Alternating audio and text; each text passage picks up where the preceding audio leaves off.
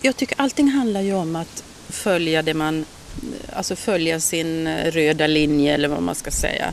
Att, eh, och med det menar jag att man, att man gör saker som stämmer överens med det som känns rätt. Och sen har du kommit upp i en ålder över 50. Du, du har vänner som går bort i cancer, du har sjukdomar som kommer. Då gäller det att göra saker innan det är för sent. Då. Det där sa Ann-Kristin Kinghed och Per Magnusson. Du lyssnar till Samtal om livet och mitt namn är Ann-Sofie Sandström. Hej ser du, hej!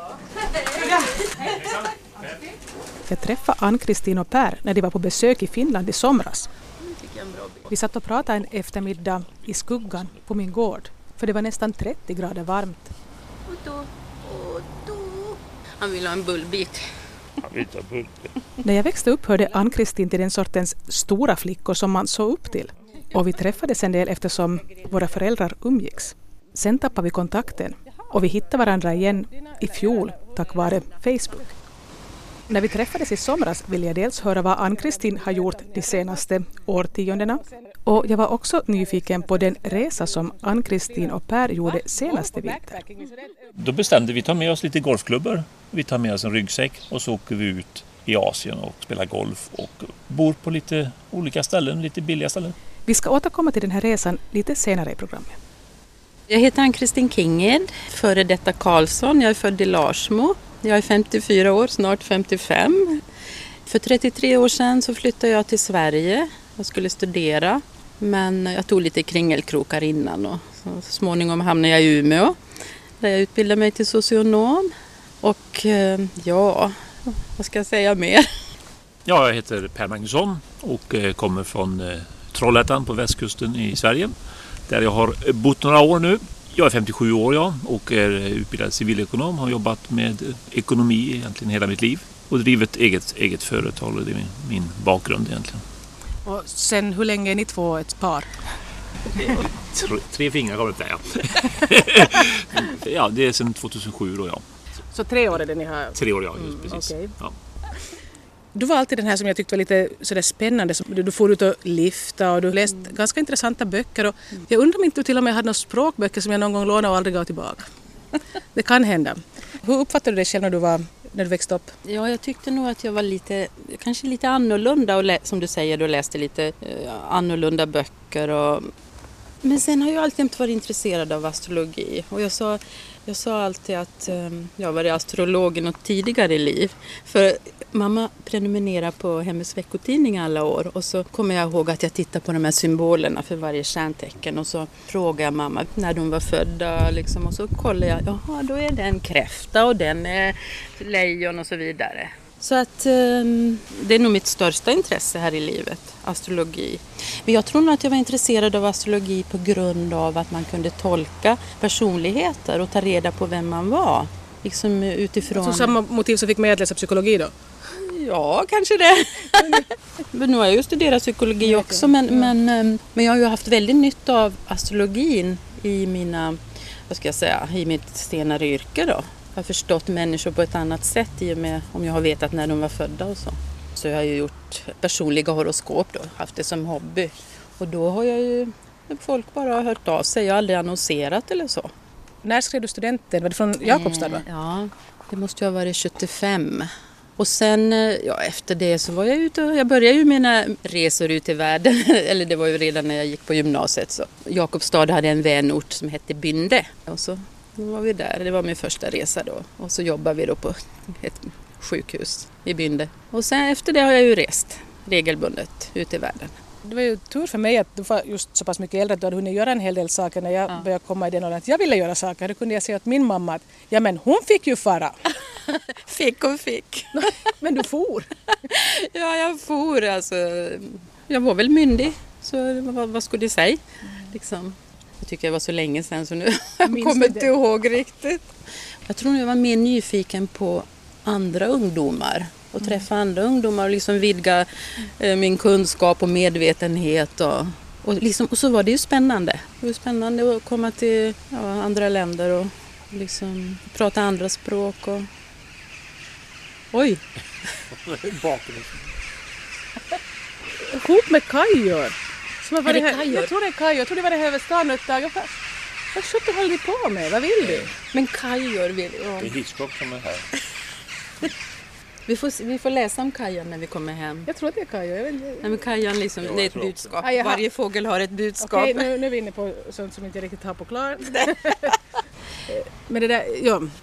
Var det så att när du då ännu bodde i Larsmo och gick i Jakobstad, du hade inte lyckats binda upp dig med någon sån där lokal pojkvän som hemskt många ändå gjorde på den tiden? Nej, nu hade jag ju pojkvänner men eh, jag tänkte jag ska så långt bort som möjligt. Nej, men så småningom, alltså när jag flyttade från Larsmo då hade jag ju eh, rest en del, jag hade varit på kibbutz. Så det var ju spännande men sen tänkte jag nej, nu får jag nog börja utbilda mig, jag kanske var 21 år. Då flyttade jag till Stockholm, eller jag jobbade på ett ställe först i Öregrund i Roslagen. Och, eh, men så, där träffade jag min äldste sons pappa. Han var kock och ehm, Ja, och jag sökte in på sekreterarskolan vid Stockholms universitet. Fanns det något sånt? Jo, jag förstår ju inte idag att jag skulle bli sekreterare, chefsekreterare. Men sen blev det så att den utbildningen blev jag, jag gick någon termin och sen eh, blev jag faktiskt med barn och eh, barnets pappa då, han ville så gärna ha en egen restaurang så då plötsligt befann vi oss i Jämtland och hade restaurang. Men nu, när vi pratar om det så kommer jag ihåg min känsla att det här vill jag inte egentligen. Så där gick jag emot mig själv verkligen. Det kommer jag ihåg nu. Men jag väntade barn och det var ju liksom en ny upplevelse och mm, hade fullt upp med det. Men eh, jag ville ju vidare och jag ville liksom verkligen börja studera så småningom. Så att eh, efter den här perioden i Jämtland då, då flyttade vi till Umeå. Och då började du studera? Ja, efter ett par år. Och sen separerade jag från Kristoffers pappa då. Så att ehm, ja, jag utbildade mig till socionom och så tog jag hand om Kristoffer och det var väldigt bra år. För då träffade jag ju andra som hade ganska liknande intressen och sen att det blev just socionom, det är liksom jag visste knappt vad en socionom gjorde, kommer jag ihåg när jag sökte, men eh, jag tror jag valde mellan civilekonom och socionom och psykolog. Jag kom inte in på psykologlinjen, jag var någon reserv och så tänkte jag, äh, jag, jag hoppar på det här och det var tre och ett halvt år. Det var väldigt bra för mig. Det var ganska lätt och, och att samtidigt ha barn. Och jag tror nog jag utvecklades mycket under den tiden. Ja, ska jag berätta vidare? Och så gjorde jag ju de här horoskopen och jag hade mina intressen och jag tror det var en bra tid. Och så småningom träffade jag en ny man eh, som jag fick två barn med. Johannes och Josefin som idag är 21 och 24. Hur gammal är ditt, din äldsta son då? Eh, Kristoffer är 32. Men eh, Jonny då som är de två yngsta barnens pappa, han, han kommer från Göteborg så han ville gärna flytta söderut så jag följde med. Det var ju när jag var klar och han hade utbildat sig också så att eh, då var det dags att flytta ner till södra Sverige till Vänersborg. Där hamnade vi. Han jobbar på bank där och jag hade precis fått Johannes. Och jag trivdes väldigt bra i den trakten och jag har ju stannat där fram tills för tre år sedan när jag träffade Per. Men det ligger, städerna ligger väldigt nära varandra, det är bara en mil emellan och så. så. Jag hakade lite upp mig på det där med astrologi och sa att jag faktiskt inte kan tro att stjärnornas positioner när man föds skulle kunna inverka på ens liv. Det du säger är ju det många andra säger. Men jag har studerat ämnet i, ja herregud, är det 40 år ungefär? Och eh, jag tror inte utan jag vet att det fungerar. Alltså jag, det här är ingen tro för mig. Men så det stör inte heller att det inte, att det inte finns någon sån förklaring man kan ge åt någon som mig utan att det bara är så? Ja. Nej men det stör mig inte och, och jag har ju fått många, eh, vad ska jag säga, ifrågasättande men alltså det spelar ingen roll för jag vet, jag vet att det fungerar och så enkelt är det. Men jag, jag tycker det är bra att vara skeptiker för jag är skeptiker med andra saker men eh, jag har ju tagit reda på, eller jag har ju läst som sagt så mycket så att jag, för mig är det så naturligt. Jag använder ju mycket av min intuition och har under åren lärt mig att, att känna efter vad, vad är rätt och vad är fel. Och det är ju ingenting man kan bevisa heller. Utan det är ju mer en, ja, en känsla säger man ju. Och det behöver inte alltid vara en känsla. Det, bara, det kan vara en kunskap eller en vetskap om att det här är rätt. Och sen får man ju bevis för det när det blir bra. Och när man inte går emot sig själv. Men jag märker ju, om jag går emot mig själv då känner jag ju det i hela kroppen direkt. Innan jag liksom gör något annat. När jag träffade Per till exempel då så såg jag ju direkt att vi passar bra ihop. Nu kom jag in på dig då. Så du måste ju ha varit över 50 när du träffade honom då? Mm. 52. Jag, jag, jag förstod ju när jag såg honom att det var han. Jag kände igen honom. Jag kände igen honom på ögonen. Det bara kändes, men honom har jag ju träffat tidigare. Det kanske är så att vi har haft tidigare liv tillsammans. Eller det är jag ju övertygad om, men även om han kanske inte tror det. Nu sitter han och flinar. Ja, nu tappar jag tråden lite. Det kan ju vara så att man passar bra ihop med fler personer under sitt liv. Det tror jag. Men jag menar sen kanske man, går och, man utvecklas olika, man går åt skilda håll och då fungerar det kanske inte så bra längre. Och eh, nu när barnen är så pass stora och man, har liksom, man kan leva ett liv som man inte har kunnat tidigare så, så blir det ju, då blir det ju mer fokuserat på gemensamma intressen, känner jag.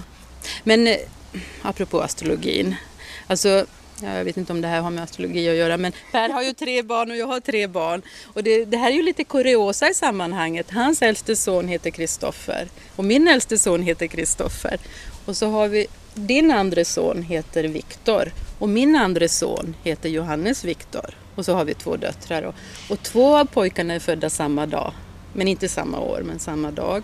Och så har Pers eh, tvillingbrors fru, hon är född samma dag som jag. Så det är lite inte vet jag. Tror du på någon sorts viss just predestinering, att det, där, att det är förutbestämt lite vad som kommer att hända i vissa, inom vissa ramar? Liksom då? Ja, det, det, det, tror jag nog att huvuddragen är nog förutbestämda men sen har vi ju ett eget val i varje situation. Jag, jag tycker allting handlar ju om att följa det man, alltså följa sin röda linje eller vad man ska säga.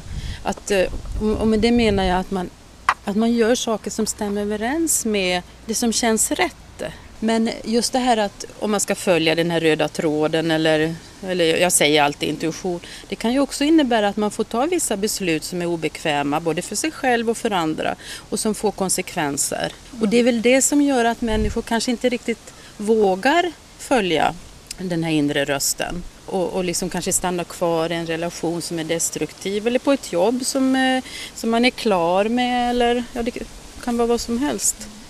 Jag tror att jag har jag har blivit bättre och bättre på att, göra det jag känner för. Kom! Mm. Fast jag, jag, upplever nog mig som en skeptiker. Eh, inte liksom någon som sväljer allt. Det tycker jag inte. Utan jag har ett visst urval i alla fall. Du är självinsikten. mm. Ja, ja, ni ifrågasätter mig hela tiden.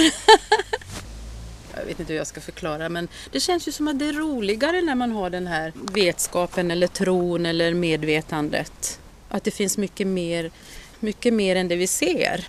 Så du menar att vi har ett tråkigare liv i andra? Nej, det menar jag inte. Det har jag inte sagt. Men för mig så berik, det berikar mig väldigt mycket. Och liksom, det känns ju meningsfullt att leva.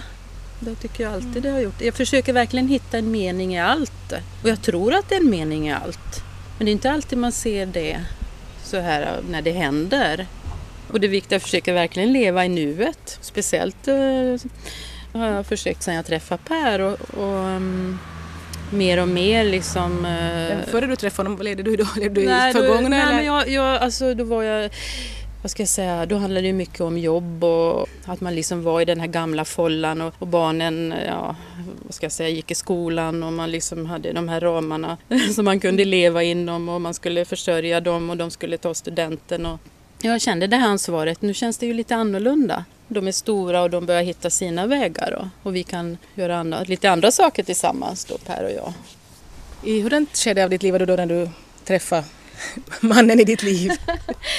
alltså, jag hade mycket tankar på att jag ville göra något annat. Jag jobbade på en, eh, jag hade väldigt intressant jobb, det hade jag. Jag jobbade i ett så kallat psykosocialt team på en vårdcentral, ett väldigt invandrartätt område. Men jag kände ändå att nej, alltså jag, nu är det dags för något annat. Jag, vill, jag tänkte jag kanske ska åka ut i världen och, åka och jobba för Sida eller vad som helst. Jag kände att jag behövde vidga mina vyer. Och ehm, jag hade nog fastnat lite i det här traditionella, ja vad ska jag säga, samhället eller äktenskapet kanske.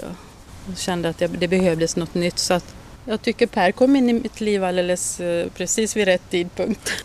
Jag hade en del vänner och bekanta som eh, var inne i olika cancersjukdomar och jag började tänka, med, men vad vill jag? Alltså vad vill jag med mitt liv? Resten av mitt liv? Och, och, jag tänkte också, ja men jag kan ju också få cancer och jag menar, jag tänker så här, ska jag mm, få den sjukdomen så vill jag, och kanske dö, det är klart, man nu, nu för tiden dör man ju inte alltid det. Då vill jag verkligen känna att jag har gjort så gott jag har kunnat och liksom levt här och nu och liksom försökt um, verkligen göra det jag vill. Och, och alltså, jag tänker så här att vissa människor kommer ju in med en ny energi eller så synkroniseras energin och så vidare. Och det var nog så när Per kom in i mitt liv för att, eh, ja, nu är det här kanske ett världsligt, eh, världslig sak, men golf kom in i mitt liv. och det var liksom, jag hade tänkt länge på, nej men jag vill nog börja spela golf. Och jag hade en väninna som, ska du aldrig börja? Ja, och jag kom inte för och min dåvarande man, han var inte intresserad. Men så när jag träffade Per så, då började jag spela golf, för han spelar golf.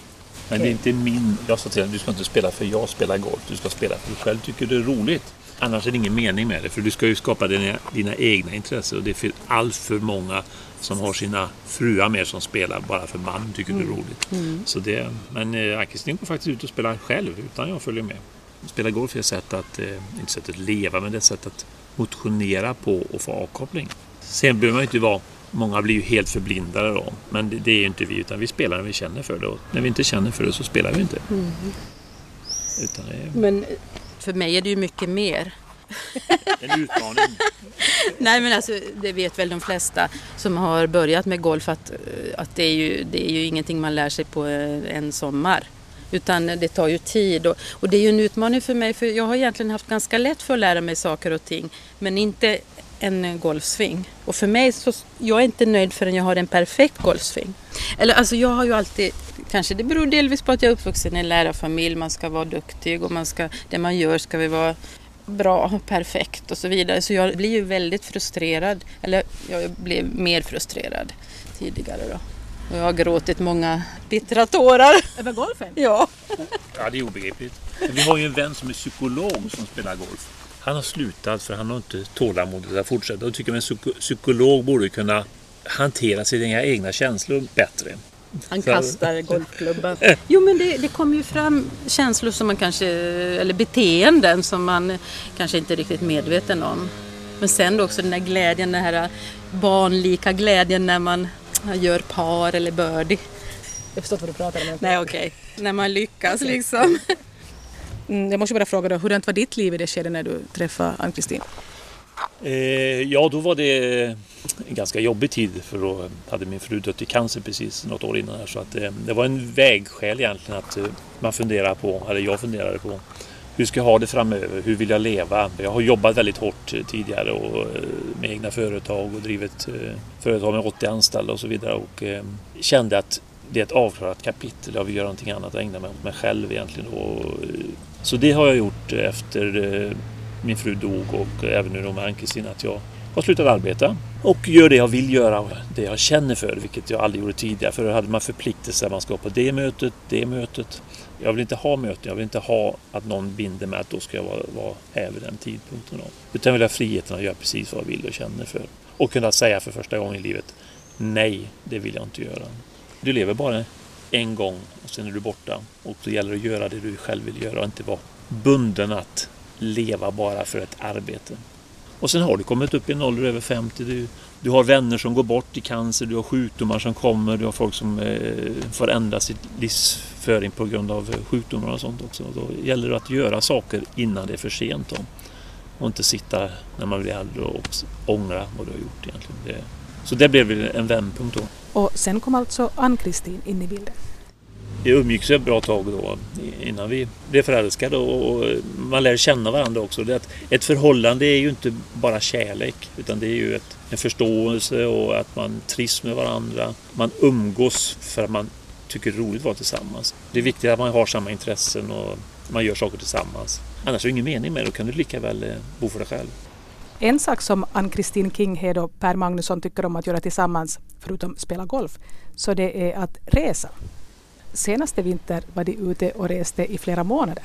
Vi åkte första november. Ni kallade er själv golfpackers. Ja, det är min son som egentligen tog upp det här att eh, det är bara ungdomar som reser. Ja, som är eh, backpackers. Backpackers, ja precis. Vår generation alltså? de är inte reser någonting utan de flesta jobbar och är väldigt främmande för att åka utomlands överhuvudtaget utan det är mest Charter. charter som gäller. Och då tänkte, då kom vi faktiskt på, det var ju din dotter som döpte det här till Golfpackers.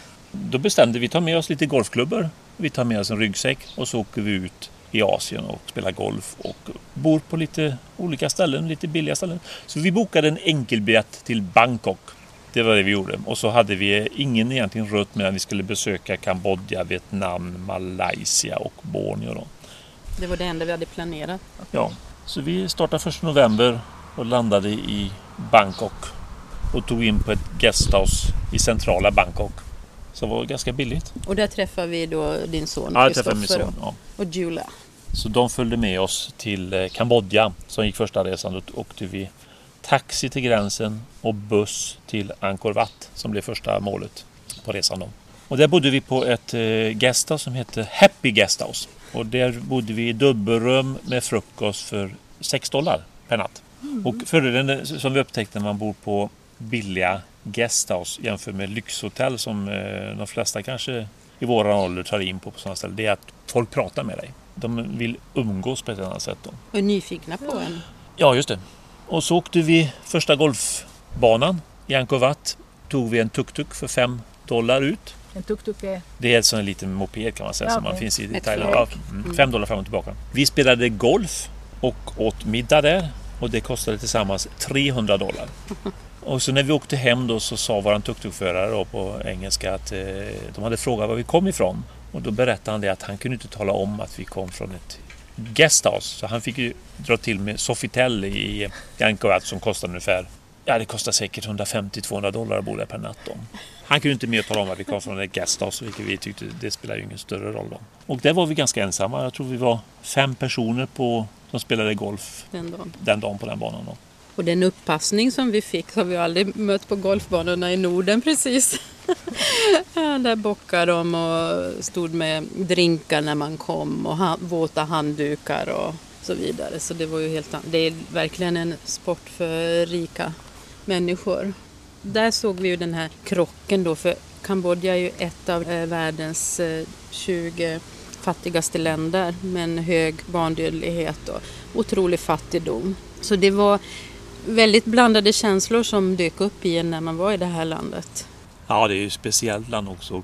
Vi vill ju ha en lite social bit också när vi är ute på en golfbana och pratar med de här caddierna som man är tvungen att ha då och betala för. Eh, för du får inte gå ut själv då. Och det är de inte vana vid, att man vill prata med dem och fråga var de kommer ifrån, var de har familj och så vidare. Och man kanske tror i sin enfald att de tycker det är roligt att gå där och, och man frågar dem varför de är det här. Ja, då, då har de ju andra drömmar i livet som vi också har. De vill bli lärare och de gör ju egentligen bara det här för sin försörjning helt enkelt. De är tvungna att försörja sig. Det, Mm. Vi putsar våra golfbollar och Ja. ger oss rätt klubba. Man får nästan säga till dem, gör inte det, det räcker att göra så här då. När man kommer till eh, och köper dricka så köpte vi ju dricka till dem också. Vilket de inte var så bortskämda med för japaner och sånt, de köpte bara till sig själva. Det kan man inte med. Betalar man 300, ja, 200 dollar för att spela så visst kan man köpa en dricka till dem för någon, någon dollar och det liksom, känns ju bara skamligt att vi ska sitta där och dricka kalla drycker i en värme runt 35 grader. Då. Men Kambodja, det var ju inte det enda landet men det var ju kanske det, var det fattigaste landet. Och, och där spelar vi då på de fem golfbanor som finns. Så att vi har spelat på alla golfbanor. Ja, alla var ju inte lika fina men, men eh, ja. Men efter Vietnam då var vi i Australien och det, jag måste nog säga att det var höjdpunkten på den här resan att komma in till mitten av Australien i öknen. Uluru, Ayers Rock och få uppleva aboriginernas historia och, och se hur aboriginerna hade, eller bodde. Men när ni, när ni då for på den här resan, ni hade enkelbiljett sa ni. Vad var liksom huvudsakliga avsikten med den här resan? Var det bara att liksom göra någonting som ni inte hade gjort tidigare eller att eh, just eh, spela på så många golfbanor som möjligt? Eller var det, ja, vad var det riktigt? Det alltså, golf var ju bara en liten del. Jo. Det, det är ju upplevelsen som man vill se andra kulturer, se hur man lever. Och, och framförallt min son som pratar om försök nu åka ut och se hur det ser ut i världen och, och kunna leva utan massa prylar. Utan sina vänner, utan det här traditionella som man har i Sverige och tryggheten förstås som man har i, när man bor hemma. Då. Det är ett test att se, klarar man av att resa på det här viset? Vad är det man kommer sakna egentligen av sitt eh, liv när man kommer ut så här? Klarar du av att göra det här? För vi kunde ju åka hem egentligen när vi Ja, ja. ville. Det var ju... Vad saknar ni mest då? Ja, det som jag saknar mest då, det är ju egentligen de vänner du har. Det är egentligen det enda jag saknar under resan. Och barnen naturligtvis. Och, eh, men ingen materiell grej, liksom jacuzzin eller något sånt där som man kanske annars tycker om. Och, eller jag upplevde aldrig att jag saknade någonting. Det var ju intressant och vi hade våra kläder i våra ryggsäckar. Och liksom man hade bytte liksom, kanske några ombyten. Men Alltså sen det- hade du ju laptopen med dig så du kunde ju följa vad som händer i världen. Du är ju inte isolerad Nej. och det är du ju inte. Man mejlade och vi skypade och facebookade. Så man hade ju man hade ju nästan daglig kontakt med barnen och de visste var man var. Och mina föräldrar de läste våran blogg varje dag och undrar nog om vi hoppade över någon dag vad som hade hänt och så.